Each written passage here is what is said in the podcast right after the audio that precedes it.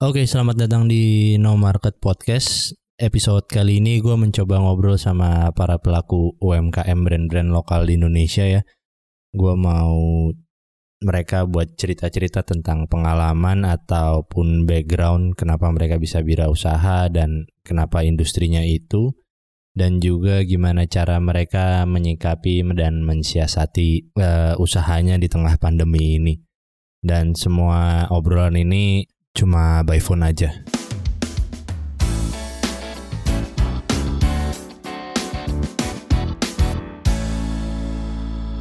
Coba uh, mungkin boleh langsung diperkenalkan aja Mas Afif nih siapa dan sekarang berusahanya apa?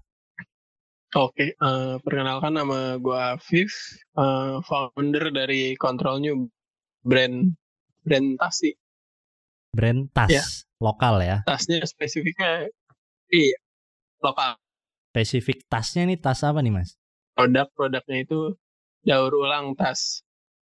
Uh, bukan daur ulang tas sih berarti uh, berarti uh, brand yes. yang bikin tas uh -uh. bahan utamanya itu limbah kain limbah Kayak kain gitu deh kasarannya iya limbah kain kalau uh, control new itu instagramnya control new ya iya nah sebelumnya itu eh berarti mendingan cerita dari awal aja dulu kali yes, ya yes boleh dong gimana dulu sampai akhirnya bikin control new kan? Ya sebenarnya idenya, idenya tuh udah ada sebelum nama brand control new itu sendiri. Mm-hmm. Jadi intinya gue bikin produk dulu. Oke. Okay. Tanpa gue namain atau tanpa gue brand, gue kasih nama nama inian, nama perusahaan, nama, nama brand. branding. Itu udah jalan. Uh, pas gue kuliah itu 2017. Oke. Okay. Terus uh, akhirnya gue nyampe sini kan, balik lagi ke Jakarta terus sempat selang dua bulan setelah gue nyampe Jakarta itu gue baru nemu tuh nama Control New okay. namanya bukan Control New dulu maksudnya logonya tetap gitu CTRL plus N uh-huh. cuman untuk spellingnya tetap kayak gitu CTRL plus N kan kayak spellingnya dari dulu kayak gitu iya CTRL plus N capek ya emang capek sih terus akhirnya ya udah uh-uh.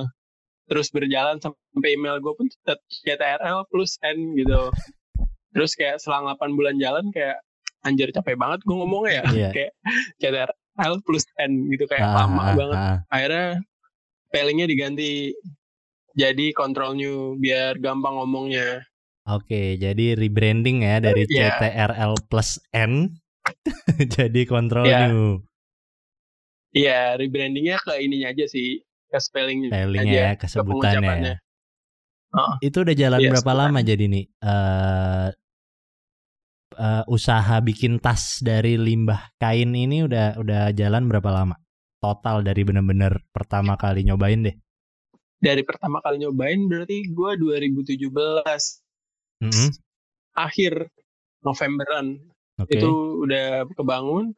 Cuman kalau kehitung dari gue bikin brand control new-nya itu baru bulan Maret 2018. Jadi kalau kehitung itu dua udah dua tahun satu bulan. Dua tahun ya. Kalau nyampe sekarang. Dua tahun hmm. ya. Uh, itu idenya dari mana munculnya? Nah untuk idenya sendiri kebetulan tuh kan kayak kontrolnya ini kan gue ngangkat idenya seputaran lingkungan gitu kan. Oke. Okay. Uh, dan itu berimbas dari skripsi gue sih. Kayak skripsi gue kan gue kebetulan jurusan seni rupa. Ya. Otomatis tugas akhir, akhirnya kan TA kan bikin lukisan gitu-gitu. Oke. Okay. Dan dan kebetulan untuk lukisan yang gue angkat itu temanya putaran uh, satwa liar gitulah. Satwa liar yang terancam punah di Indonesia. Ya. Kan itu kan kayak lingkungan lingkungan kan. Aha. Akhirnya gue mau bikin usaha kayak yang ada nyiprat-nyipratnya dikit lah gitu. Yang sumbangsihnya sedikit memberikan kontribusi gitu. Oke. Okay. Buat lingkungan. Nah akhirnya ya udah kayak terciptalah nih itu ide gitu akhirnya gue mau bikin tas cuman dulu tasnya nggak nggak full kain perca jadi gue dulu beli kain jadi kain jadi oke okay. terus gue ke tukang jahit gue jadiin tote bag tote bag polos gitu polos tote dulu masih polos, polos nah itu ya? baru gue ya baru gue tempel-tempelin kain nah cuman kayak selang waktu itu satu tahun kalau nggak salah akhirnya gue nge-rebranding produk kan yang 8 bulan yang lalu itu rebranding spelling namanya. Ah, ah, ah. Nah, terus gue rebranding produk juga.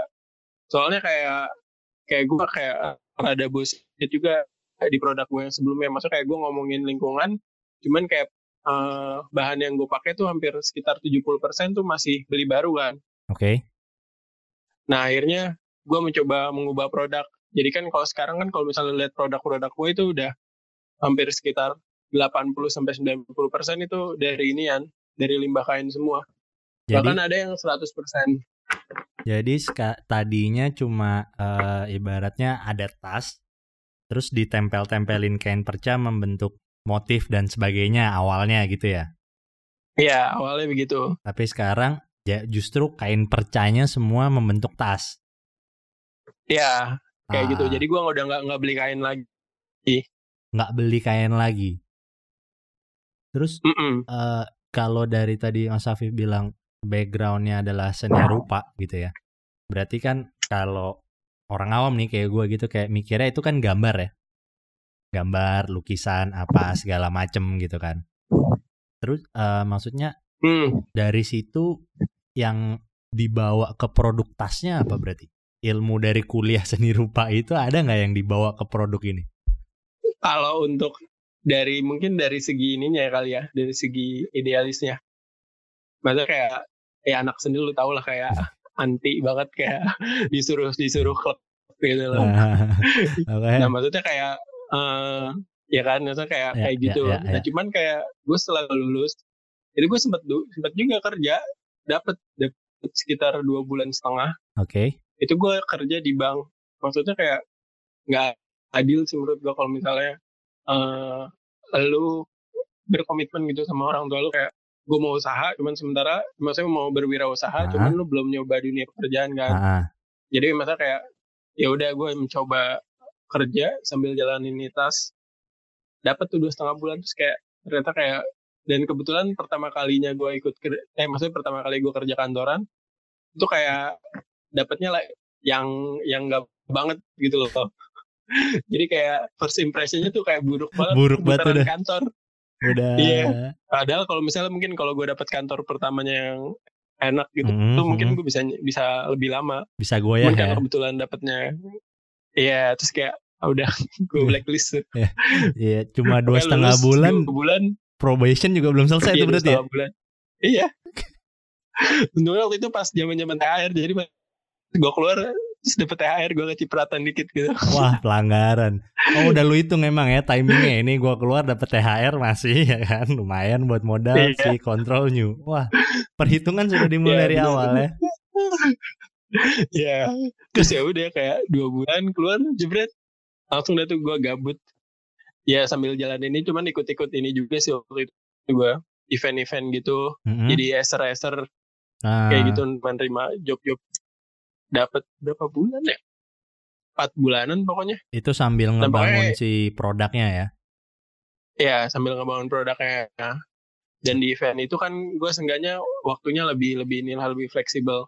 Kayak gue kerja weekend doang. Weekdays kan gue bisa megang ini. Oh, oke. Ya, cuman kayak lama kelamaan tetap aja kayak mungkin karena bukan apa ya bukan Fashion panggilan. bukan basic ya bukan panggilan bukan passionnya kayak disuruh-suruh juga kayak akhirnya yalah gue di sini aja gitu ini ya udah dapat berarti kalau di total total ya 8 bulanan lah gue kayak kerja kerja kayak gitu gitu sambil jalanin di produk akhirnya udah Oh, gitu. habis itu langsung Baru full time full di time di control new lah ya. Jadi bener-bener full time control new dari kapan tuh Mas Afif? dari akhir tahun 2018 berarti Akhir tahun 2018 tuh udah tuh tinggalkan semua yang lain hanya control new aku padamu lah ya. iya benar Tapi eh menarik gitu kayak berarti kan tadi Mas Afif bilang kayak gua nggak bisa lah diatur-atur apa segala macem gitu ya. Tapi pemikiran untuk menjadi wirausaha itu, wirausahawan itu dari kapan Hmm. sih? Dari kecil kah? Apa dari melihat mungkin orang tua sudah berwirausaha atau apa gitu? Atau dari kapan? Enggak, ya kayaknya mungkin dari dari itu kali ya. Dari semenjak gue mulai berasa gitu loh, dari kontrolnya ini ada ada ada ini ya, ada peningkatan gitu. Maksudnya kayak dengan gue berkaca dua tahun yang lalu, Mhm. kontrolnya dua tahun yang lalu itu Mhm. kayak eh, kemajuannya ada peningkatannya ada Mhm. Dan mungkin kayak pertama kali gue ikut pameran kayaknya deh kayak gue mulai yakin gitu eh, untuk berada di sini. Jadi di situ sih gue berwirausaha berwirausaha mencoba. Cuman Oh. kalau misalnya lu ngomong dari lingkungan eh basic keluarga gue PNS Oh, jadi ya dengan ya, keteraturan ya, ya, kayak dengan keteraturan. eh, orang tua pada umumnya kan. Ya, jadi ya, kayak ya, ya udah nyuruh kerja kerja gitu Oh, nyuruh kerja ya. Tapi dari orang tua me- menyarankan atau menginginkan menginginkan untuk Mas Afif kerja kantoran sebenarnya. Deep down mungkin dulu. yo iya iya gue nyampe dibeliin buku PNS coy Tes PNS ya, tes PNS gitu-gitu ya. iya heeh. Tapi nggak dipakai tuh. Tuh buku tes nggak dipakai. Apa? Buku tes nggak kepake. jadi ganjelan itu kemarin Tapi pas pas akhirnya lo memutuskan eh maaf tapi saya mau wirausaha gitu. Respon orang tua gimana? Shock ah atau awal-awal mah ya ya ya kayaknya baru baru beberapa bulan ini deh kayak mulai mulai berkurang gitu biasanya Hmm, tiap hmm. gua gabut pasti ditanyain sih kayak nggak nyari kerja nggak nyari kerja gitu Hmm, hmm, hmm, hmm, hmm. jadi kayak itu menurut gua tantangan paling gede juga di situ dulu sih naklukin orang rumah di Kayak gitu. lingkungan Maksudnya terdekat kayak justru ya. yakin kan udah enak yoi Oke oke. Nah itu maksudnya dari dari beberapa temen yang gua ngomong juga memang ada orang-orang yang eh, orang tuanya latar belakangnya pengusaha kan. Jadi mereka role modelnya ke orang tua segala macam. Tapi ada juga yang kayak Mas Afif nih yang orang tuanya memang eh, kantoran, keteraturan dan dan berpikir bahwa udah deh lu kantoran aja masa depan lu tuh terjamin kalau kantoran kurang lebih kan kayak gitu kan. Hmm. Dan sekarang masih Mas eh, Mas Afif nih dalam dua tahun inilah kurang lebih dari control new bener-bener ada. Selain tas produknya apa aja? Eh, merambel lagi sih kayak ke card, ke card holder Card terus holder. gantungan kunci keychain Semua dari kain Terus dari topi. limbah kain ya. Iya, mencoba sih gue maksudnya kayak yang bisa yang bisa gue jadiin maksudnya produk yang bisa gue jadiin dari limbah kain Mm-mm. itu pasti gue jadiin Hmm, kayak hmm. gitu. Tapi mostly Cuma nih kalau Oke, kayak untuk sorry. Sorry. untuk untuk apa ya? Untuk logiknya kayak gini aja sih paling maksudnya kayak lu bikin topi, bikin tas, bikin dompet itu kan eh, apa namanya kalau misalnya lu pernah lihat semua produk yang dari kain itu kemungkinan besar bisa di dijadiin maksudnya di copy sama gue di copy eh, Ah. untuk modelnya. Kayak misalnya lu lihat dompet kain ya berarti bisa gue bikin kayak gitu. Topi dari kain bisa kayak gitu-gitu. Oke. nah cuman kayak gue nge-explore masih se- masih sebatas yang memungkinkan aja sih. Kalau misalnya untuk sepatu eh, sendal kayak gitu-gitu gue belum Karena itu nggak bisa masih full kain ya. clothingan iya nggak bisa full kain jadi kayak mau nggak mau ya collab kayak gitu-gitu paling kayak kayak Udah iya udah pernah belum? mungkin kan gue belum sih Oh, belum. belum dan gue belum mau ya belum belum nyari nyari kayak gitu Sendal hotel nggak tertarik mas? Sendal hotel kayak bisa kain doang. tukang gue udah pernah bikin oh ya. Iya maksudnya kayak pengrajin gue kayak ada-ada aja kan kayak gitu jadi Hmm, kayak hmm, hmm. ini gue bisa bikin sendal nih gitu Hmm, hmm.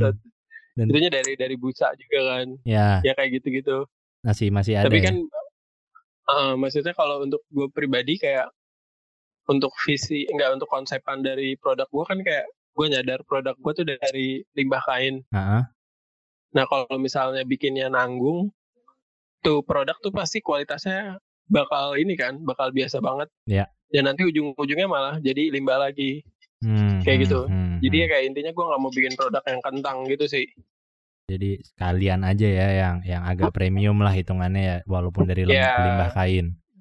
bener biar awet Biar emang kebeli dan nggak jadi limbah lagi. Heeh. kalau bikinnya nanggung-nanggung gitu kan kayak ya enam bulan kayak gitu Ya, dah ya, udah ya, joplok ya, terus akhirnya ya. kebuang limbah lagi kan kayak Hmm. gitu Tapi kalau gua lihat di Instagramnya Control New nih mas ya, eh sekilas gitu kalau dilihat set scroll scroll scroll itu mostly bahannya banyak yang pakai jeans ya. Bener Iya. nggak tuh? Oh. Itu kenapa tuh? Eh, so- soalnya kayak gitu sih kayak ya namanya cowok ya kayak pertama kali lu datang maksudnya kalau lu lu ke sana ke mana ke tukang jahit Ah, pasti kayak mata-mata cowok kan kayak kalau nggak jeans katunnya warna hitam biru Ah, ah, ah. jadi dongker kayak Ah, ah. gitu-gitu coklat ya coklat coklat soft ya terus merah marun kaki kaki. hijaunya juga ya. hijau terus ka- kaki Ah. gitu olive ya kayak gitu-gitu maksudnya ya karena karena apa ya karena kebetulan tukangnya gua Ah, jadi kayak eh, lebih lebih condongnya tuh kontrolnya malah ke cowok sih produk cowok walaupun gua dari awal untuk semua produk gue unisex tapi kan kayak eh, karena apa ya karena tesnya tes cowok ah, jadi akhirnya produk yang lahir eh, warnanya inian warna-warna cowok mana cowok ya? cuman kayak eh, Hmm, hmm. jadi kayak untuk spesifiknya ya kebetulan gue suka jeans Oke. ya kayak gitu sih jadi jadi itu bahan-bahan tuh kayak gue pas lihat gitu apa maksudnya gue berpikir apa emang bahan paling mudah itu jeans untuk ditemukan limbah kainnya atau kenapa gitu. Tapi kayaknya emang karena lo suka jeans. Ya karena gue suka jeans. Tapi bukan karena limbahnya paling gampang ditemukan? Paling banyak di tempat gue tuh katun malah. Katun? Ya katun-katun. Pokoknya kayak celana-celana. Bahan gue tuh sebenarnya dapat dari ituan pasar kebayoran lama. Mhm. itu jatuhnya kayak pasar pa- pasar itu lah pasar pakaian-pakaian second ya kayak ya, di Senen. ya ya, ya. kayak gitu jadi kayak kain yang gue dapet tuh kain-kain second semua Hmm, jadi kayak misalnya katun kalau nggak jeans yang gue dapet tuh bukan jeans raw gitu lah yang baru tapi yang ah, udah kadang gue dapet yang udah robek ah, yang udah ah, belel. ah. kayak gitu-gitu Tapi yang lu beli Jadi kayak- itu masih bentuk pakaian apa kain buangan pinggiran jalan bekas penjahit yang gak kepake gitu sih? Bekas penjahit yang gak kepake jadi kayak eh, gimana ya jadi ngebayanginnya tuh eh, tuh tukang jahit Mhm. adanya di pasar nah jadi kalau eh, toko yang ngejual pakaian itu kan kalau misalnya beli kan mereka misalnya beli celana panjang itu kan Mhm. langsung satu bal gitu kan satu Iya. karung Ya, dan satu karung itu kan mereka nggak tahu kan isinya apa aja ah, dan kalau misalnya lu beli celana pendek celana celana sedengkul ke atas mhm. itu sebelumnya dari celana panjang Hmm. dipotong. Jadi yang gua dapet tuh limbahnya dari situ, dari potongan kain, eh dari potongan celana Celana- bekas. celana celana Uh-uh. yang itu ya. Iya. Jadi bukan dari tuh- celana full terus yang maksudnya baju-baju second gitu lu beli terus lu potong sendiri dan lu patch sendiri gitu enggak? Oh enggak. Dan eh, sebenarnya lucunya kayak gitu paling. Kayak misalnya tuh kain gak gue pakai, itu biasanya diambil sama tukang bakso sama tukang soto Untuk untuk ngelap gerobak. jadi lu menggunakan limbah kain dan limbah dari limbah kainnya masih bisa digunakan tukang bakso ya untuk lap gerobak. Eh, kayak gitu sih, nah, gini sih maksudnya. Jadi kalau misalnya tuh kain, maksudnya misalnya abangnya tuh selesai motong ngecilin kayak gitu-gitu kan Ah. ditaruh di karung tuh ditumpuk Oh, oke. sampai berkarung-karung gitu loh. Mm-mm, eh, mm-mm, sisa potongannya. mm-mm. Nah kalau misalnya itu kain nggak gua ambil, itu biasanya diambil sama Oh, orang-orang pasar jadi buat buat inian, buat Jadi- ngelap gerobaknya, ah, kayak gitu. Selesai itu ya dibuang lagi. jadi saingan lo tukang bakso sama tukang-tukang pasar ya untuk mendapatkan supply. Ya kayak gitu. Ah, Dan karena gue udah dua tahun di sana, jadi kayak abangnya itu udah ngerti gitu. Kalau misalnya ada jeans atau kain-kain yang bagus, itu diiniin, disimpan aja sama dia. disimpan buat gue kayak Ah, gitu. Sekarang eh ini kan semacam apa ya? Barang seni ada berarti ada ada tempat jahit atau workshopnya gitu dong. Apa lu masih yang ke penjahitnya masih penjahit bebas apa gimana? Proses kerjanya Penjahitnya tet- tetap satu ke sana sih. Tapi eh gue jatuhnya nggak nggak inian, nggak nge-hire dia. sekarang? Jadi kayak dia tetap dengan pekerjaan dia sebagai Ah. tukang permak. Heeh. Nah, cuman eh gue ngasih tiap ada orderan. Jadi misalnya freelancer, pro- freelancer ya. Iya, freelancer gitu. Jadi Ah, misalnya gue dapat dapat kainnya, gue bawa pulang, gue olah Hmm. kan di rumah, gue komposisiin, tempel-tempelin, heeh. terus nanti gue kasih lagi ke abangnya buat buat ngejahitin jadiin tas Ah, kayak gitu. Nah cuman kalau misalnya dia lagi ngerjain tas gue nih, tiba-tiba ada ada orang lain datang gitu, Ah, ah, bang eh, kecilin celana gitu. ah, ah. Ya udah ditinggal dulu tas gue. Tas lo ditelantarkan dulu ya. Iya, kayak gitu. Perduakan.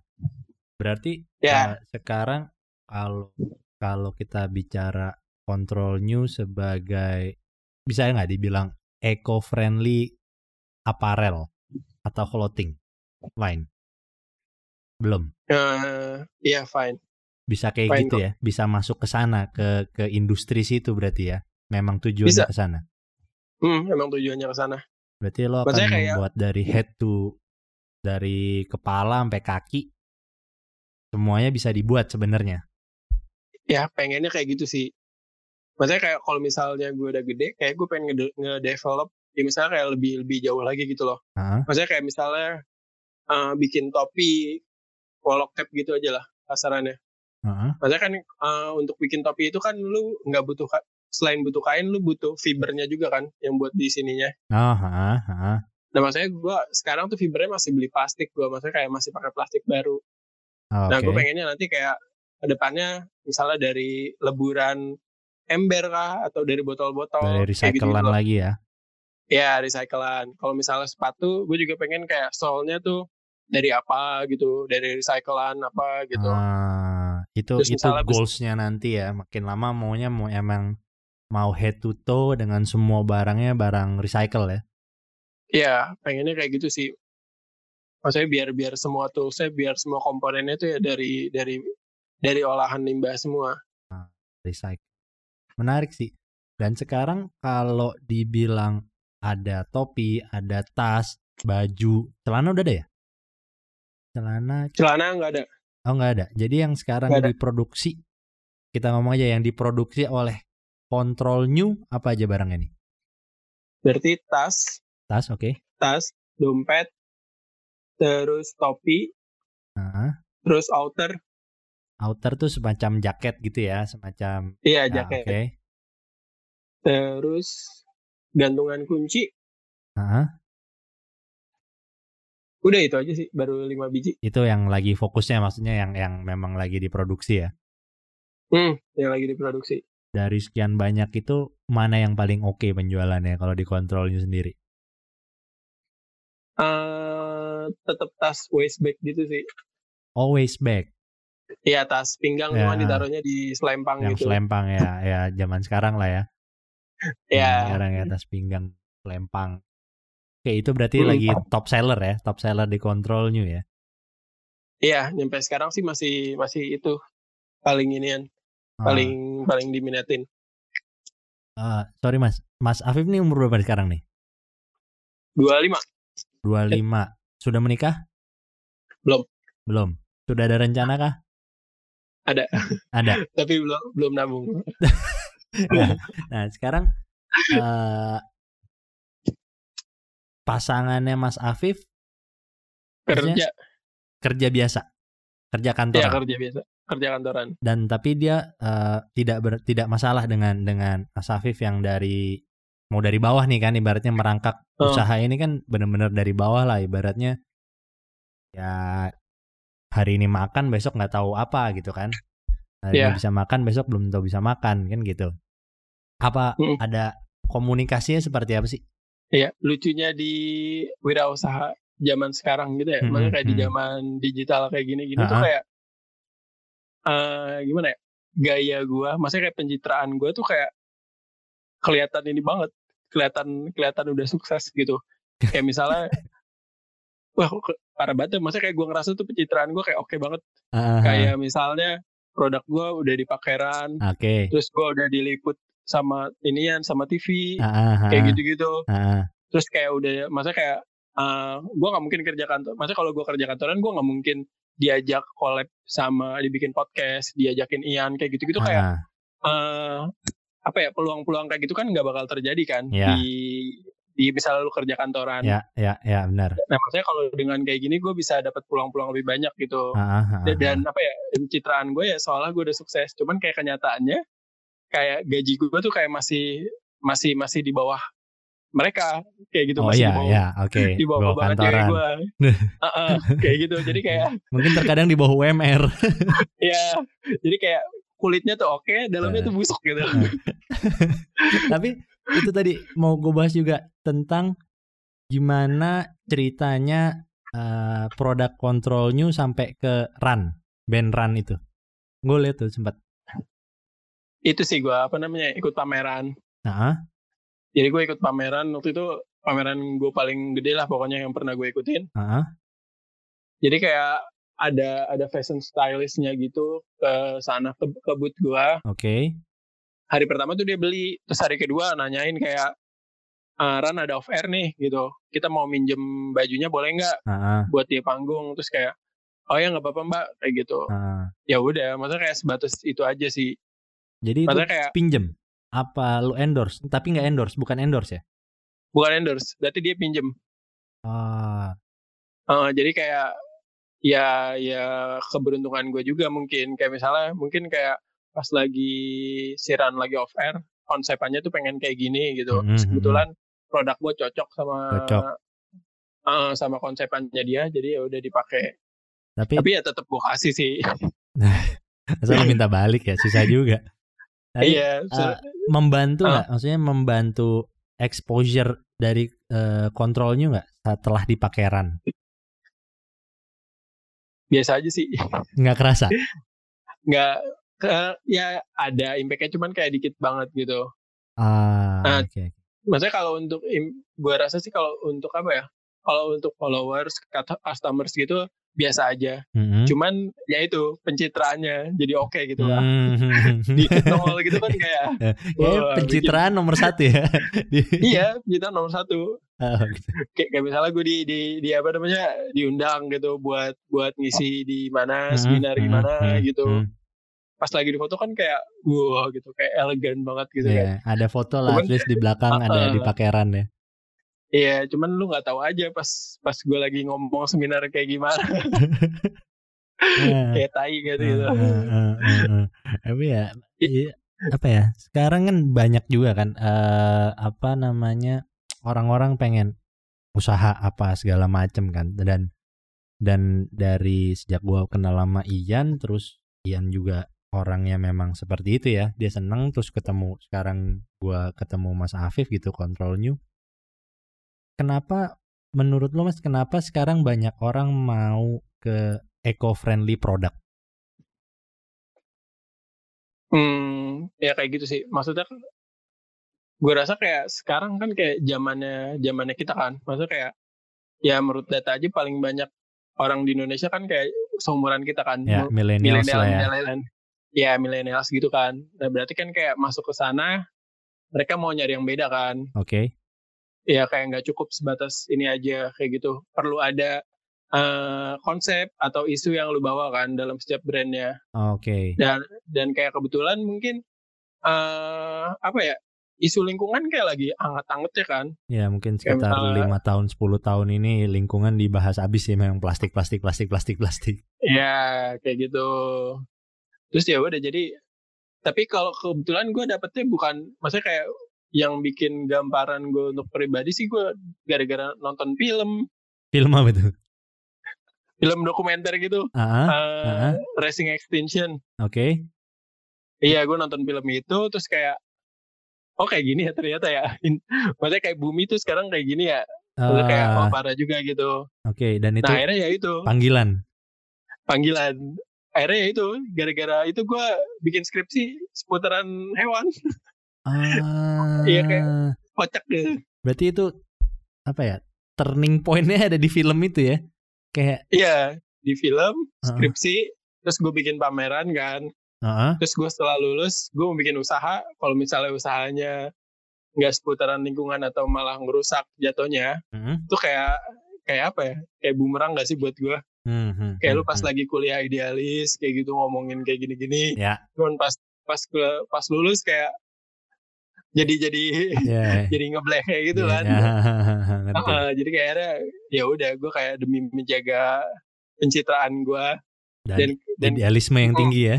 Iya idealis gue dan ternyata juga kayak ya walaupun kecil cuman kayak berimpact sedikit sih buat kehidupan gue Oh ya, kayak misalnya kayak sedikit lebih diet gue seputaran plastik sekali pakai kayak Oke. gitu ya walaupun eh, keluarga gue tetap aja pakai plastik Ah. maksudnya kayak tapi dari Iya, diri buat sendiri ya. lah. mm, ada lah sedikit sedikit perubahan gara-gara eh apa ya gue jualan produk ini sedikit perubahan buat buat ini gue buat diri gue kayak gitu Tapi ini ada tadi gue masih sebuah fakta menarik bahwa turning point lo ada di sebuah film itu eh apa ya? Nggak nggak ba- ah, mungkin ada ya, tapi nggak banyak lah orang yang kayak gitu. Biasanya kan kayak gue kecewa sama kantor atau atau ya saat itu gue udah butuh duit gue nggak tahu mau ngapain jadi gue jualan apa kan kayak gitu tapi lo sendiri kayak turning pointnya ada di gue nonton film bumi ini sekarat gue mau menyelamatkan kan ini kasarnya kayak gitu kan kerennya kayak gitu Iya, begonya gitu aja. kayak kayak kayak kayak gue gue gue kalau untuk gue pribadi gue gue ada nggak ada dampak langsung gitu sih. Heeh. Maksudnya kayak kalau misalnya di daerah Kalimantan gitu kan kayak dampaknya asap Ya, kayak gitu-gitu ya, terus akhirnya dia kesal ya, kan. ya. Misalnya kalau untuk kehidupan gue pribadi nggak nggak nggak nggak ada yang kayak gitu kayak gitu. Nah. Banjiran juga enggak. Ya. dari film dong udah. banjiran juga enggak eh Iya. bener-bener karena film nah ini, ini twist twist pointnya menurut gue sangat menarik sih di di obrolan ini nih si film ini kayak menarik Iya. tapi Da- put that aside deh sekarang eh, jalan 2 tahun eh, banyak produk tiba-tiba hadirlah si pandemi ini kan gue gue yakin semua orang pasti kita ngomongin inilah di mana semua industri dari yang remah rempeye sampai industri oil and gas juga semua kena kan Hmm. lo sebagai eh, control new ada strategi atau apa yang lo lakukan at least for the last two month lah kurang lebih kan? Oke. Iya, maksudnya kayak ya semuanya kan kena yes. Maksudnya kayak gue juga salah satu berdampak juga. Nah kalau untuk strategi gue paling kayak untuk ini gue pasti ngadain promo sih. Kayak nggak mungkin nggak kayak hampir semua brand juga pasti ngasih promo diskon Mhm, kayak gitu gitu kan untuk untuk meningkatkan apa ya ya penjualan Mhm, kayak gitu. Ya walaupun kayak ya ketahuan banget lah kayak orang pasti bakal nge-save banget duitnya. Maksudnya kayak tingkat konsumtifnya pasti bakal nurun banget Yes. kan untuk untuk benda-benda tersier. Ya. Ya kayak gue ngerasa kayak benda kontrolnya kayak kayak sekunder terus Ya, tengah-tengah oke, sama ya, tersier ya, gitu lah ya, gitu. ya, ya. jadi kayak lebih dikit.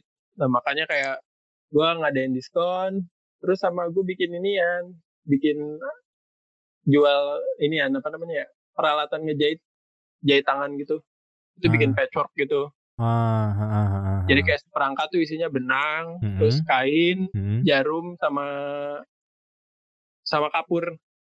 Jadi kalau misalnya Ah, mereka beli oke. itu, mereka bisa ngerjain ituan di rumah.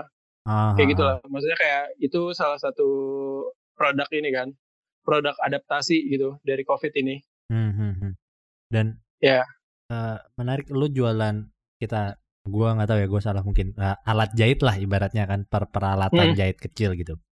Tapi apa lu eh, memberikan pelatihan atau petunjuk apa gitu nggak mas? Oh iya ada. Jadi kayak misalnya tiap ada yang beli nanti kayak gua kasih ituan. Gua kasih link gitu buat buat mereka nge-download itunya. Hmm, Apa sih namanya? Tutorialnya. Tutorialnya berupa video Mm-mm. kah atau Eh, tulisan? PDF gitu sih. PDF Ah, jadi kayak tulisan sama foto. ah, Nah, cuman di di GTV gue juga nanti gua gua post nah, untuk ininya, untuk menurut- tutorialnya. Nah, itu mungkin mungkin ide-ide yang bagus sih kayak nonton video sambil ngejahit jadi oke sih itu menurut gua barusan brilian sih, brilian how to survive in this covid lah gitu kan. Iya, kayak gitu. Nanti kayak yang paling memungkinkan dan harganya juga lumayan terjangkau kan. Ah, Jadi kayak saat orang mikir-mikir untuk beli ini kayak gitu, akhirnya mereka mengalihkan ke produk ini. dan ya di sisi lain juga mungkin orang menambah skill yang mereka belum pernah punya sebelumnya kan Mm-mm. Dan mungkin Kayak bisa gitu. jadi pengrajin lo juga nanti. Iya, ya, Bisa, ka- bisa. kalau tiba-tiba Pengrajin mereka atau pesaing. Ya, Oh iya bener juga ya pesaing tapi ya pesaing Enggak, pun dia akan menjadi dia pasti ya lu tetap akan menjadi gurunya mungkin ya maksudnya orang yang menginspirasi sih harusnya ya harus kayak lagi juga kayak misalnya saat gua ngasih kayak gitu kan juga apa ya maksudnya saat itu juga lo nerima konsekuensi uh, konsekuensinya kan kayak bisa jadi jadi pengrajin bisa jadi jadi, jadi pesaing. Hmm, jadi kayak hmm, gue sangat tidak apa-apa gitu. Hmm, hmm. ya kan lu hanya berbagi ilmu kan sebenarnya kan? Mm-mm. berbagi ilmu. Tapi nanti ya kita nggak tahu lah kapan kapan ini berakhir gitu. Anggaplah once eh, covid ini selesai nih boom gitu kan. Apa hal pertama yang akan lo lakukan? Sebagai control new langsung itu sih gue langsung gas kayaknya ya. Maksudnya kayak eh, program-program gue, acara-acara gue yang ditunda, Ah, itu langsung langsung gue ini, langsung gue gas lagi. banyak yang ketunda bazar-bazar dan sebagainya atau apa yang ketunda nih Iya, lumayan banyak sih bazar-bazar, terus ada kolaborasian juga kan nih yang udah jadi, cuman gagal naik gara-gara covid, ah, ah. terus sama beberapa event kayak gitu-gitu. Maksudnya kayak ya udahlah kayak ke hampir semuanya ketunda gitu kan. Mm, mm, mm. berarti Jadi paling kayak, sorry ya boleh mm, jadi paling gue gue ituin aja. follow gue up ya gue uh, gue follow up gue gas lagi yang yang yang udah fix gitu Tapi kan kalau kita lihat ya, nih dari COVID mungkin eh, pola hidup orang nih akan sedikit, mungkin ada sedikit perubahan lah, sedikit banyak berubah lah mau nggak mau mungkin orang jadi banyak cuci tangan atau apa segala Hmm. macam. Bahkan mungkin setelah COVID pun kita akan hidup masih seperti itu gitu kan. Ya, ya Hmm. kita pasti masih takut lah, mungkin masih pakai masker gitu. Lo ada kira-kira ada nggak kontrolnya? Kayaknya nih menurut gua orang akan berubah seperti ini deh. Jadi gue harus marketingnya kayak gini atau lo akan melakukan yang sama kayak kemarin sebelum covid. Eh ya gue tetap sih ngerasa masa kayak setelah covid gitu menurut gue kayak dua bulan tiga bulan mereka baru ngeri baru baru bisa nge-recovery yang lain-lainnya gitu kan Ah, ah, ah. apalagi kayak customer customer yang misalnya kayak mereka udah habis-habisan gara- gara-gara pendapatnya mereka berkurang kayak Ya, gitu gitu kan ya. kayak kalau saya kan gak ujuk-ujuk jebret langsung balik ke awal Ya, kan ya, kayak ya, perekonomiannya eh, pelan-pelan. pulih perlahan kayak gitu pelan-pelan. Gue ini sih paling kayak eh gue nyadar jadi untuk eh gue tetap ngasih beberapa diskon-diskon kayak gitu. Jadi kayak gue udah mikirin ada tahapan-tahapan. Jadi eh, sekarang gue ngasih segini, nanti kayak pasca Ah, COVID oke, gue kayak tetap tetap ngasih promo-promo kayak gitu. Oke. Jadi masih Paling promo, kayak promo ya. ya dari strategi marketing gue kayak gitu aja sih paling. Gue penasaran kayak ini 25 tahun tadi ya umurnya Mas Afif ya. Hmm. Pernah menyesal nggak lo memutuskan berwirausaha? Pernah nggak menyesal? Kayaknya kalau gua ngantor gua gua hidupnya lebih enak deh misalnya kayak gitu atau apa penyesalan apalah di Kayaknya pas terjun ke kontrol ada nggak? tiap-tiap tiap pagi gue kayak tiap bangun tidur bangun tidur kayak jebret anjir gue ngapain ya nganggur kayak gini buka Instagram nyari nyari itu lah, nyari motivasi motivasi kayak gitu terus kayak siangan dikit kayak oke gue bisa gue bisa kayak gitu kayak malam kayak gitu iya Kan pas malam eh, hidup gue hina banget gue hari ini gue tidur aja deh gitu ya. Besok Iya, pagi gitu. gue tadi ngapain kemarin hari ini gue ngapain. apalagi kayak covid sekarang ini kayak maksudnya kayak gue untuk untuk sehari-hari masa kayak selama dua tahun ini tuh gue kerja tuh di rumah doang kan Yes. kayak maksudnya kayak kayak gue ngerasa ya udah ini yang gue lakuin tiap hari Nah, Pokoknya kayak nggak ada nah. bedanya Ya, antara ya. gue covid sama ini yang bikin bedanya kayak gitu karena omset gue menurun berarti kan produksi gue gue turunin dong Ya. gue kurangin Ya. jadi kayak ya secara nggak langsung gue lebih lebih gabut kan Lebih gabut benar. Heeh, maksudnya kayak sebelumnya udah gabut terus sekarang Ah, lebih gabut Ah, gitu ya, ya, ya. nah itu kayak gue gue merasa menyesalnya itu lebih lama gitu kayak abis zuhur gitu Biasa biasanya habis maghrib baru menyesal ya. Sekarang habis zuhur udah menyesal ya. Heeh, kayak abis zuhur kayak anjir ngapain nih gue Tapi lo nggak pernah berpikir untuk mencoba kembali kantoran? gue sebenarnya kayak uh, lumayan uh, maksudnya kayak ada beberapa strategi juga sih kayak misalnya kan kayak misalnya orang-orang ada strategi strateginya kayak nyari pengalaman dulu di kantoran Ah, ah. sambil nyari modal terus buka usaha kan Yes. nah kalau gue paling kayak gitu kayak uh, mema- apa ya menstabilkan usaha gua Oke. biar bisa gua tinggal terus gue nyari lubang yang lain Ah. Nah, yang lu maksud dengan lobang nih usaha lain apa lu mau coba kantoran? gue pengennya sih usaha yang lain Ah, berarti tetap bukan kantoran ya. Bye-bye lah ya corporate life. Sepertinya tidak ada di pikiran sama sekali ya. Eh, iya kayaknya deh Iya. Iya corporate kayaknya enggak Enggak ya? cuman kalau misalnya freelance freelance gitu kayak gitu kayak kayak masih masih gue terima aja Ah, tapi tapi tapi kalau misalnya kalau misalnya gue nyuruh kerja, nyari kerja nyari lubang yang lain kayaknya gue lebih pengen ya buka apa kayak franchise kayak gitu-gitu hmm, hmm. Ya, F&B lebih- lebih kayak gitu gitu ya. ya F&B gitu-gitu kayaknya Jadi say no to corporate life at all lah ya 9 to 5 dengan rutinitas itu kayaknya lu merasa lu juga nggak akan bisa ya hidup seperti itu. iya Iya gara-gara temen gue tuh anjir gue di, dikasih tahu gitu Ah, dia temen gue ini ya apa namanya ya jurusan teknik elektro Oke. eh bukan teknik mesin teknik Ah. mesin terus keluar itu jadi jadi ini kan jadi manajer di umroh Maksudnya dia dia bantuin bantuin ini Ya, ya, bantuin ya. bapaknya gitu, ya, ngurusin ya, usaha ya, gitu. Ya, ya, ya. Terus akhirnya dia bilang kayak gitu kayak eh, intinya kayak eh, kalau lu wirausaha itu nanti duit yang nyari lu gitu, duit yang ngejar lu, bukan lu yang ngejar duit. Benar. Katanya sih Eh, gitu, katanya. Kata katanya, gitu Katanya, sih ah, ya kan. Iya, saya kayak nanti saat lu udah sukses, cuman gue mikirnya kayak gitu kan, kayak misalnya semua semua beberapa kerjaan bisa dihandle sama orang lain. Jadi intinya selain lu punya uang yang lebih banyak, lu juga punya waktu yang lebih banyak kan. ya benar. Ya kayak gitu maksudnya kayak oh kayaknya angan-angannya menarik nih Hmm. gitu. Berarti lu terjual oleh angan-angan ya, tapi dia nggak pernah bilang untuk duit ngejar lo lo harus berdarah-darah dengkul, sikut, tangan, kepala. gitu. Iya bener.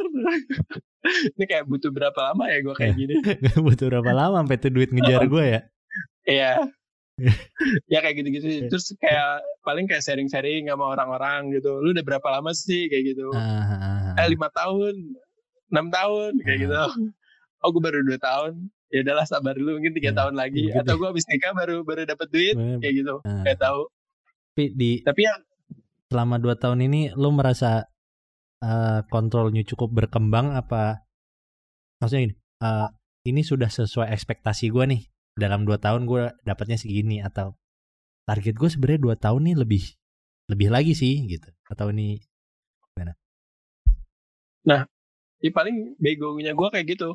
Maksudnya kayak jiwa jiwa jiwa jiwa seninya tuh masih masih nongol gitu loh. Ah, jadi kayak ya udah jalanin aja ah, ya, kayak ya. gitu kayak kayak tanpa ekspektasi gue apa namanya ya bisnis plan Ah, nggak ah, ah, ada ah, ah, ah.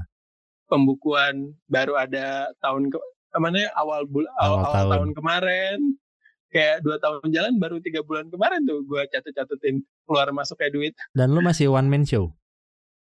Ah enggak gue dibantuin teman gue sih Oh jadi lu udah partneran. Ah, temannya? partneran Ah, Cuman karena partneran gua kerja kantoran, hmm, itu semua pemasukan tuh masuk ke gua hmm, hmm. kayak gitu. Nah, jadi kayak temen gua lebih lebih ngurusin media sosial. Media sosial terus ngirim email kayak gitu-gitu. Kalau untuk produksi Dan operation semuanya masih masih di eh, Mas Afif ya. Ya, dari gua semua Oh, ya. kayak gitu. Berarti emang selama ini masih selama 2 tahun kalau ditanya targetnya apa sudah tercapai apa belum ya? Ya sudah karena targetnya ya ya jalan. gitu ya. Targetnya jadi ah, ini aja kayak gitu. Jalan ya. Salah kayak salah kayak gue ngerasa pas gue jalanin usaha kayak ya semakin banyak lu apa ya berekspektasi kayak lu harus siap-siap gitu Hmm, hmm, hmm. Eh, kecewa Hmm, hmm, bener sih, bener sih. Mm-mm. Setuju sih. jadi intinya daripada gua kayak gitu maksudnya kayak terlalu banyak ekspektasi terus terlalu banyak planning kayak gitu gitu gitu gitu toh jadi banyak yang nggak jalan jadi kayak gue fokusin yang ada aja dulu Hmm, hmm, hmm, hmm. kayak gitu Dan yang ada sih Kayak- kontrolnya dan udah jalan kan. Heeh, kayak gue masih percaya sama konsistensi Hah? jadi Oh. kayak misalnya ya misalnya sekarang lu nggak beli ya mungkin lu besok beli kayak gitu lu mungkin mau ngetes kesabaran gue gitu orang nyampe berapa lama sih bertahan lu paling tahun depan gulung tikar gitu. Ya kayak gitu. Maksudnya kayak uh, konsistensi gue tapi di lingkungan sendiri maksudnya uh, baik keluarga teman atau pasangan atau siapa pun gitu ada yang ada yang pernah bilang nggak ini mau tahan berapa lama sih? gitu. Ada nggak yang pernah menanyakan itu lo mau bertahan kayak gini berapa lama? gitu.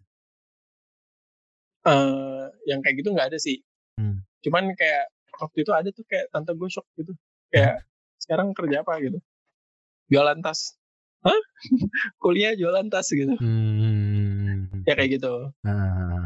ya mungkin gue gue nggak bisa denger kalau untuk omongan nggak ada. Cuman kayak kalau misalnya gue baca, bisa baca hati orang ya kayaknya banyak deh yang kayak gitu, yang ngomongin. Iya iya iya ya, ngerti sih gue ngerti sih kayak tapi lu pernah merasa gengsi nggak? Maksudnya uh, kayaknya kerjaan gue nggak keren nggak nggak nggak fancy deh gitu. Merasa Waduh. bukan gengsi malu atau gengsi ya, atau minder lah. Uh, yang gue bilang tadi pencitraan gue tuh oke banget anjir. Tapi lu kita kan pencitraan maksudnya diri lu sendiri gitu loh.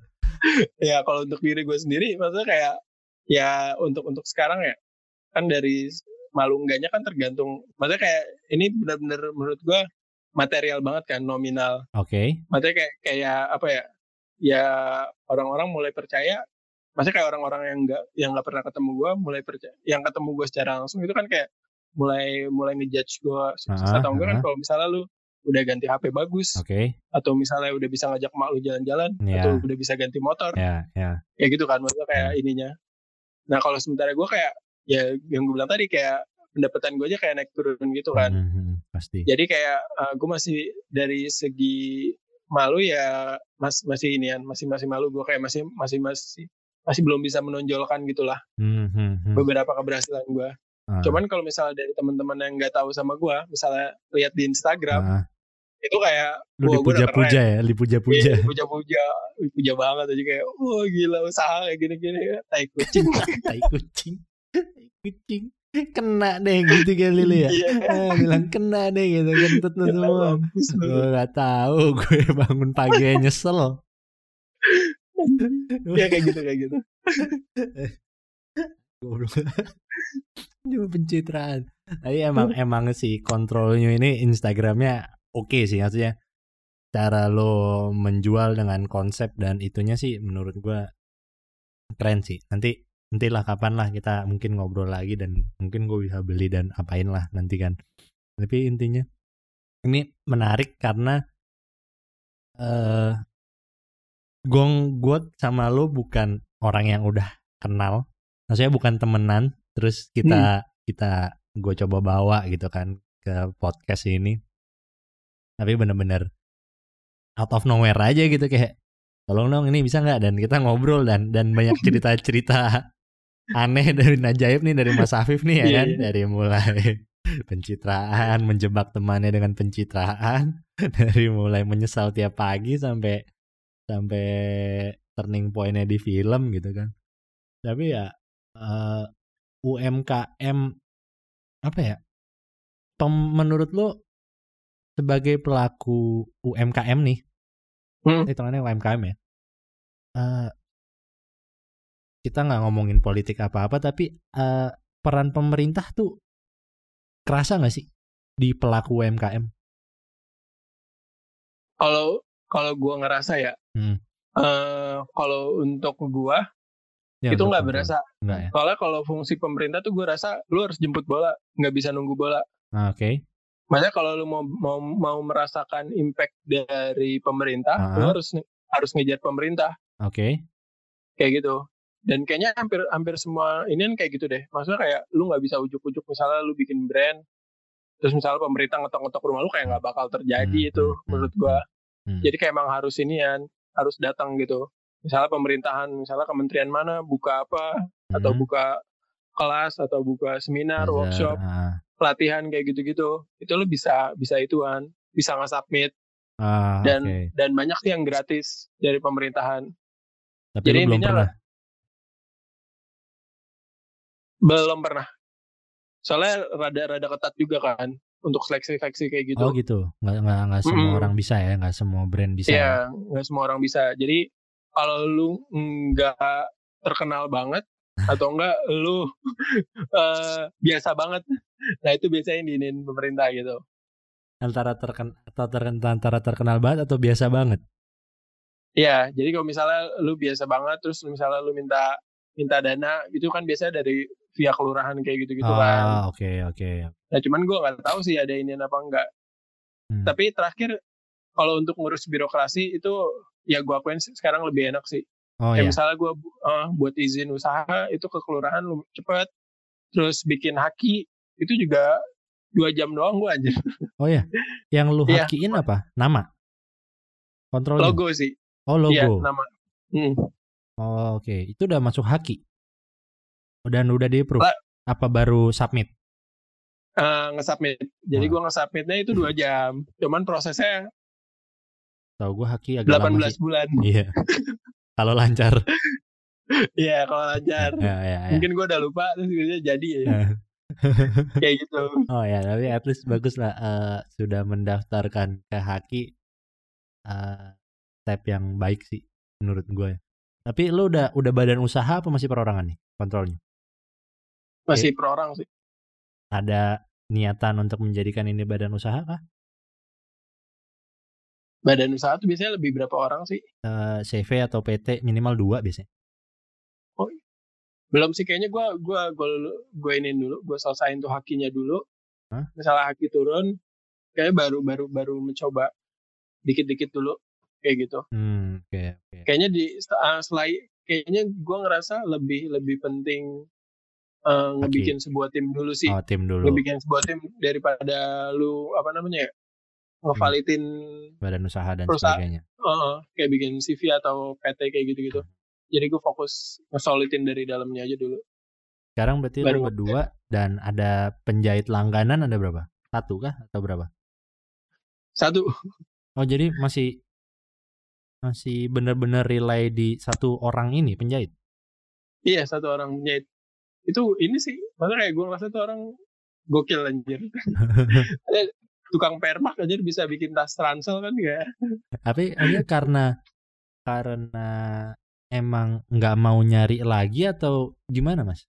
Maksudnya kan ber- ag- menurut gue ya agak bahaya kalau lu rely sama satu penjahit ya gitu loh. Oh. Kalau tiba-tiba dia sakit atau dia DPO gitu kriminal dicari kabur kan kontrolnya iya. pusing gitu. Tapi apa karena memang eh, nggak ada niat buat nyari dulu atau gimana? Atau nggak ada yang cocok? kalau misalnya bikin brand, misalnya kalau lu bikin brand clothing kayak gitu, biasanya kan langsung nyari vendor gitu kan. Makanya atau enggak penjahit kayak gitu gitu. Iya. Nah kalau gue untuk gue pribadi sistemnya nggak nggak kayak gitu sih. Ka- eh, gimana ya? Gue nggak terikat sama dia. Heeh. Cuman eh, apa ya? Karena tempat gue dekat, jadi gue sering main, sering Ah, gue kontrol. Kayak misalnya kadang dua hari sekali gue beli Ah, ah. gorengan kayak gitu-gitu. Jadi kayak akhirnya terjalin, maksudnya kayak terjalin apa ya? Terjalin komunikasinya lebih baik gitu. Eh, pertemanan. Jadi kayak gue ngerasa kayak lebih dari dari teman gitu. Heeh. Terus eh, ya intinya kayak udah udah saling saling inilah, saling saling percaya. Kayak Heeh. Terus juga apa ya? Kayak ya gue gue tahu ininya dia kayak gimana hmm, hmm, dan kayak ya. secara heeh, latar belakang dan secara nggak langsung juga kayak kayak gimana ya? Ya udah kayak ya sama-sama nyaman. Terus juga dia yang ya dia yang tahu gue, maksudnya gue pengennya kayak gini kayak gini kayak Ah, gini. udah udah Ya tahu. dia udah tahu. Hmm. Dan sama satu lagi sih mungkin karena karena apa ya? Karena juga gue masih keterbatasan modal, jadi kayak gue belum belum bisa nyari nyari yang lain-lain juga atau kayak gimana gimana. Berarti semua produk dia yang bikin. Iya. Mau dompet, mau gantungan kunci, outer, topi. Hmm. Wah, multi talenta berarti ya. Sing sama Iya, penjahit ini makanya. multi talenta Iya. sekali ya. Lihat lah. Tapi sekali ya dia sakit saat lu banyak orderan, berarti lu juga akan kelabakan dong ya. Eh, ya itu mungkin kayak itu bakal bakal jadi ini gue sih apa namanya eh pelajaran buat gue untuk untuk ke depannya. Soalnya kayak Udah pernah ya kayak gitu. untungnya untungnya dia belum pernah. Kayak gitu. Cuman kayak iya ya cuman kayak ke- kebiasaan dia begadang kopi Ya, kagak ya, pernah berhenti ngerokok Ya, terus ya, kayak ya, ya ini mah jalan-jalan ini. Kayak gitu. Hati-hati nih. Ya. Mm-mm, makanya kayak ya mungkin kayak misalnya kalau ke depan gue pengen nyari-nyari yang lain lagi. Tapi gue pengennya kayak misalnya dia naik jabatan gitu dia yang nyuruh-nyuruh Ya. nanti ada yang ngejahit sendiri Ya, ya. kayak gitu. Tapi sekarang kalau kita bicara eh kapasitas produksi lah bahasa kerennya dalam sebulan bisa buat berapa? Rata-rata. Ini gimana sih prosesnya? Lu stok atau lu PO atau ada yang order Sekarang baru udah- jahit? Udah nge-stop nge-stok berarti Oh. dalam sebulan lo akan bikin berapa kurang lebih atau berapa biasanya Kapasitas. kalau misal kalau misalnya Januari itu kan kayak awal tahun kemarin kan nggak nggak begitu rame. Heeh. jadi gue paling kayak misalnya stok maksimal kayak 30 sebulan. Jadi kayak sehari satu gitu. Oh, oke. gue lebih nggak hold cuman Ah. kalau misalnya ada pameran-pameran yang gede kayak gitu-gitu itu kayak ya nggak banyak juga sih. Paling kayak sekitar 80 90 produk per per bulan. produknya macam-macam ya. Maksudnya itu total produk bukan tasnya 90 kan? Iya total produk. Ah. Eh lebih sih kalau misalnya gantungan kunci kan itu bikinnya cepet kan Heeh. itu kayak bisa nyampe 30 10. iya sehari 30 50 gitu juga bisa kalau misalnya gue juga bikin masker atau nggak dompet juga kan tuh cepet kerjainnya Hmm. hmm. Jadi, Jadi kayak produksi kalau- berapa? Total-total lah itu penjahit tuh si super penjahit yang lo punya ini nih dia bisa mengerjakan dalam anggap deh sehari. Tasnya berapa baju berapa apa berapa atau sebulan berapa. Sehari sih dia kalau misalnya dari berbagai macam ya kayak misalnya tas tas juga kan tergantung tuh. Ah ada tingkat kesulitannya Ya. juga. Ya kalau ya rata-ratanya sekitaran segituan lah kalau misalnya dipukul rata ya 30 sebulan. ya? Ya 50 lah kalau misalnya soalnya kan kadang kalau misalnya 30 itu gue se- eh, lagi sepi kalau misalnya rame atau ini kan kan biar rata-rata jadi 50 lah 50 ya masih sanggup ya. Hmm. berarti nanti kalau tiba-tiba sampai pada saatnya eh control new membutuhkan 100 150 produk per bulan insya Allah amin kan akan ke sana dan makin gede lo harus mencari penjahit beneran ya penjahit lain. Iya. Kalau nggak tipes penjahitnya kan? Iyalah epilepsi kita boy. kayak dah. tipes loh boy. Tipes loh maksudnya kalau naik produksi sebenarnya di te- tukang permak gue itu itu tukang permaknya bukan yang di gerobak gitu. Jadi dia ada toko yang kios lah ya yang kios di pasar Ah, gitu ya yang dia ya punya kios. Nah itu di kiosnya itu ada ada empat orang. Ah berarti penjahitnya empat orang? Ah, Me- cuman yang ngerjain yang ngerjain tuh satu doang. Yang ngerjain ski kontrolnya cuma satu? Ah, satu. Oh. nah cuman kadang kalau misalnya lagi rame banget itu gua ngasih satu orang kayak gitu. Jadi Oh. kayak baru maksimal dua orang sih. Di satu toko yang sama itu di satu toko Di satu jahit toko yang yang sama. Mm. soalnya gue dapet kainnya dari sana juga kan? Dari si dia dari dia juga? Dari dia juga. Salah jadi satunya kan? kayak eh ah bukan salah satunya semuanya. Oh. Jadi yang gue dapet itu dari sana semua. Oh. Kayak gitu. Jadi kayak eh apa ya ya secara nggak langsung gue juga ngebantu perekonomian mereka iya kan iya iya. jadi kayak dari misalnya kayak dia dapat penghasilan dari Fairmark doang kan ah. terus pakaiannya pakaian eh, maksudnya potongan sisa potongannya kan nggak kepake nah misalnya daripada nggak kepake gue olah gue balikin lagi ke dia kan penghasilan yang lain kan buat dia oh berarti dia oh Kayak gitu. berarti lu dari satu toko yang sama that's why Mm-mm. oh gue pikir kayak lu tuh tadi ya beli dari ngumpulin dari toko apa atau dari penjahit atau toko mana toko mana toko mana lu bawa lah tuh ke si penjahit gitu loh. Nggak satu itu doang. Hmm. ya maksudnya lu bayangin aja kayak satu tukang jahit nggak nyampe satu rw itu aja limbahnya kayak nggak habis-habis kan. Ah, dan itu masih cukup ya buat sekarang tuh supply bahan baku masih tercukupi Iya, Dari si- masih dari si tukang jahit itu ya. Hmm. Gokil sih. Gokil sih. Sebagai wirausaha gokil sih memang. Memang harus Iya, cuman ya kreatif. ironisnya kayak gitu. ya lu bayangin aja ada berapa ratus ribu tuh tukang jahit di Indonesia kan. ya Ya kalau bisa itu kan goals lo juga kan akan mem- menggunakan sebanyak-banyaknya limbah kainnya nanti kan Salah Iya, satu goals ya kan Iya, gue jadi pengepul di Jakarta nggak apa-apa lah. Kecamatan gue dulu lah. Ini satu pasar itu dulu deh di pasar Iya. itu dulu deh ya kan nah, ini menarik sih kayak kain perca kain perca tapi jadi jadi sebuah produk yang yang apa ya daily use lah kayaknya gue lihat Hmm. ada ada ini ya tas gitar ya Ada itu bikin Custom. buat cewek gue sih tuh custom custom. tapi lu juga bisa menerima custom gitu kayak misalnya gue mau buat sarung bantal gitu let's say Bisa. Maksudnya kayak gue gue tetap nggak menghilangkan basic gue sih. Maksudnya kayak eh, kalau misalnya da- misalnya gue gue kan udah bikin berbagai macam model. Terus kayak ujung tetap aja kan ada orang yang pengen request kayak gini gini gini. Aha. Dan gue ngerasa kalau misalnya tuh orang request berarti apa ya tingkat apa ya tingkat keinginan dia tingkat minatnya dia tuh kan tinggi. Aha. jadi kayak dengan beli produk gua gua gue yakin sih kalau orang PO tuh pasti bakal lebih ngejaga produk gua Ah, kayak gitu. soalnya ini tas yang dia pengen banget. Yes yes yes. Kayak gitu.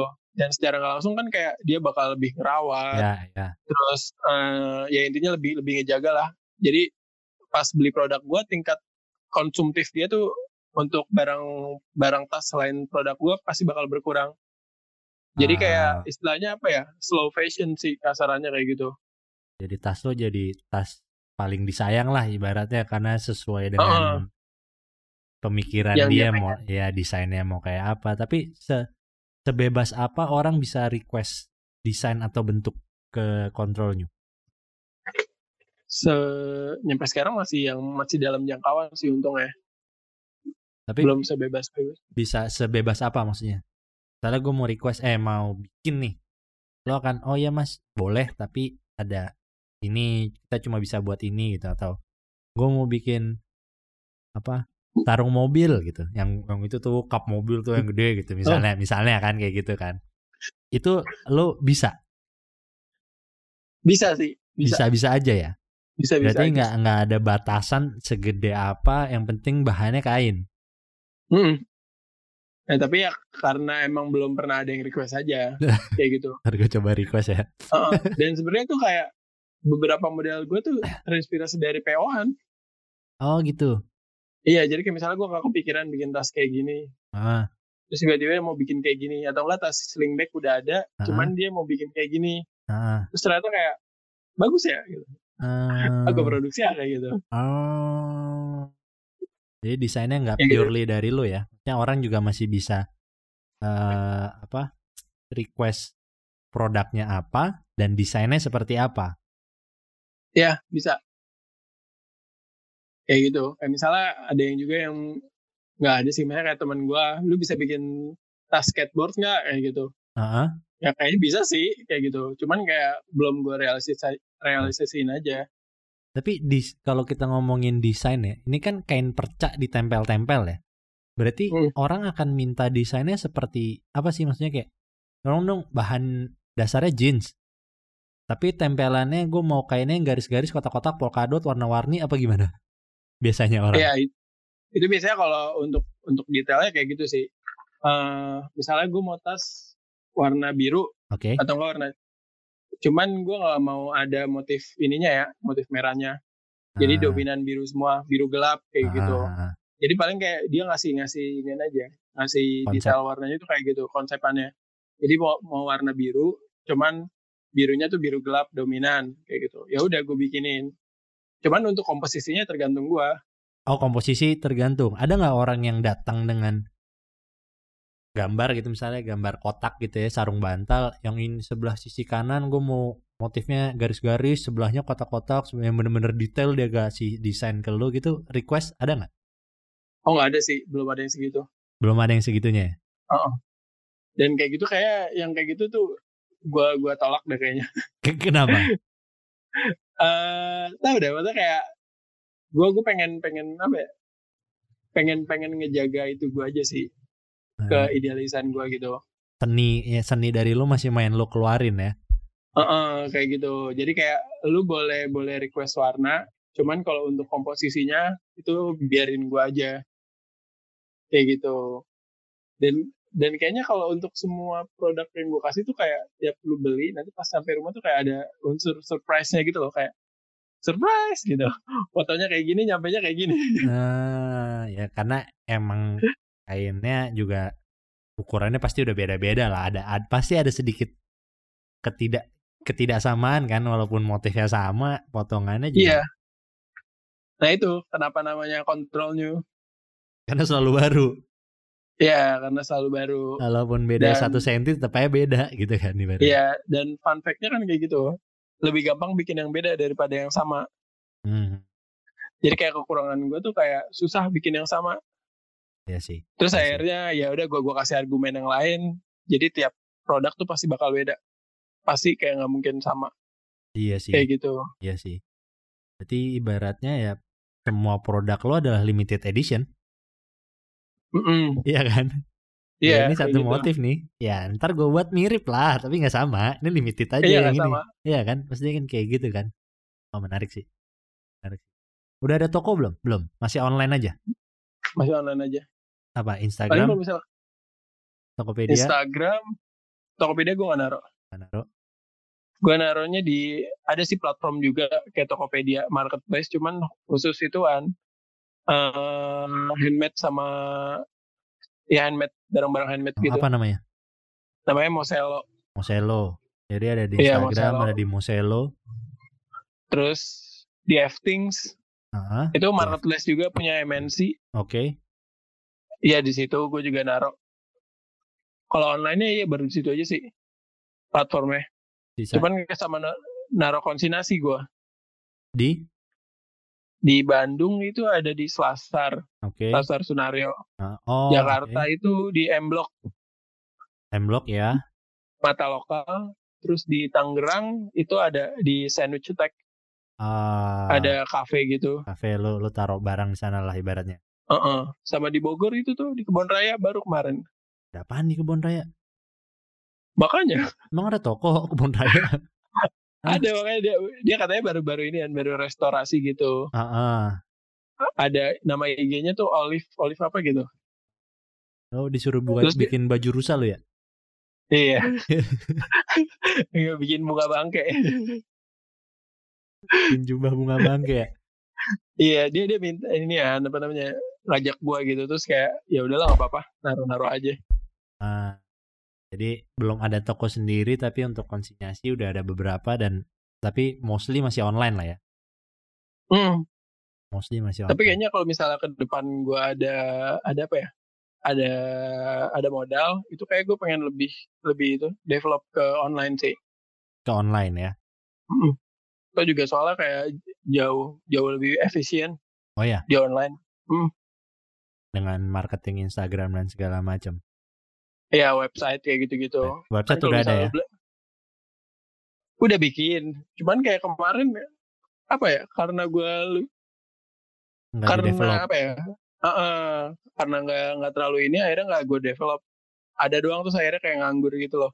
Masih Terus under construction nggak? Enggak, udah udah ada isinya. Udah ada, oh, udah, udah ada. Bikin oh. teman-teman gue. Cuman kayak ya itu karena nggak ini jadi kayak baru bisa ngeliat produk doang nggak bisa transaksi Belum di sana. bisa beli oh, oh. Mm. soalnya ya kayak gitu juga maksudnya kayak pas orang mau beli tuh kadang nanya itu juga kan nanya ada yang mau pre-order mau kayak gini-gini ah. jadi kayak uh, nyampe sekarang masih ke handle sih di Instagram di Instagram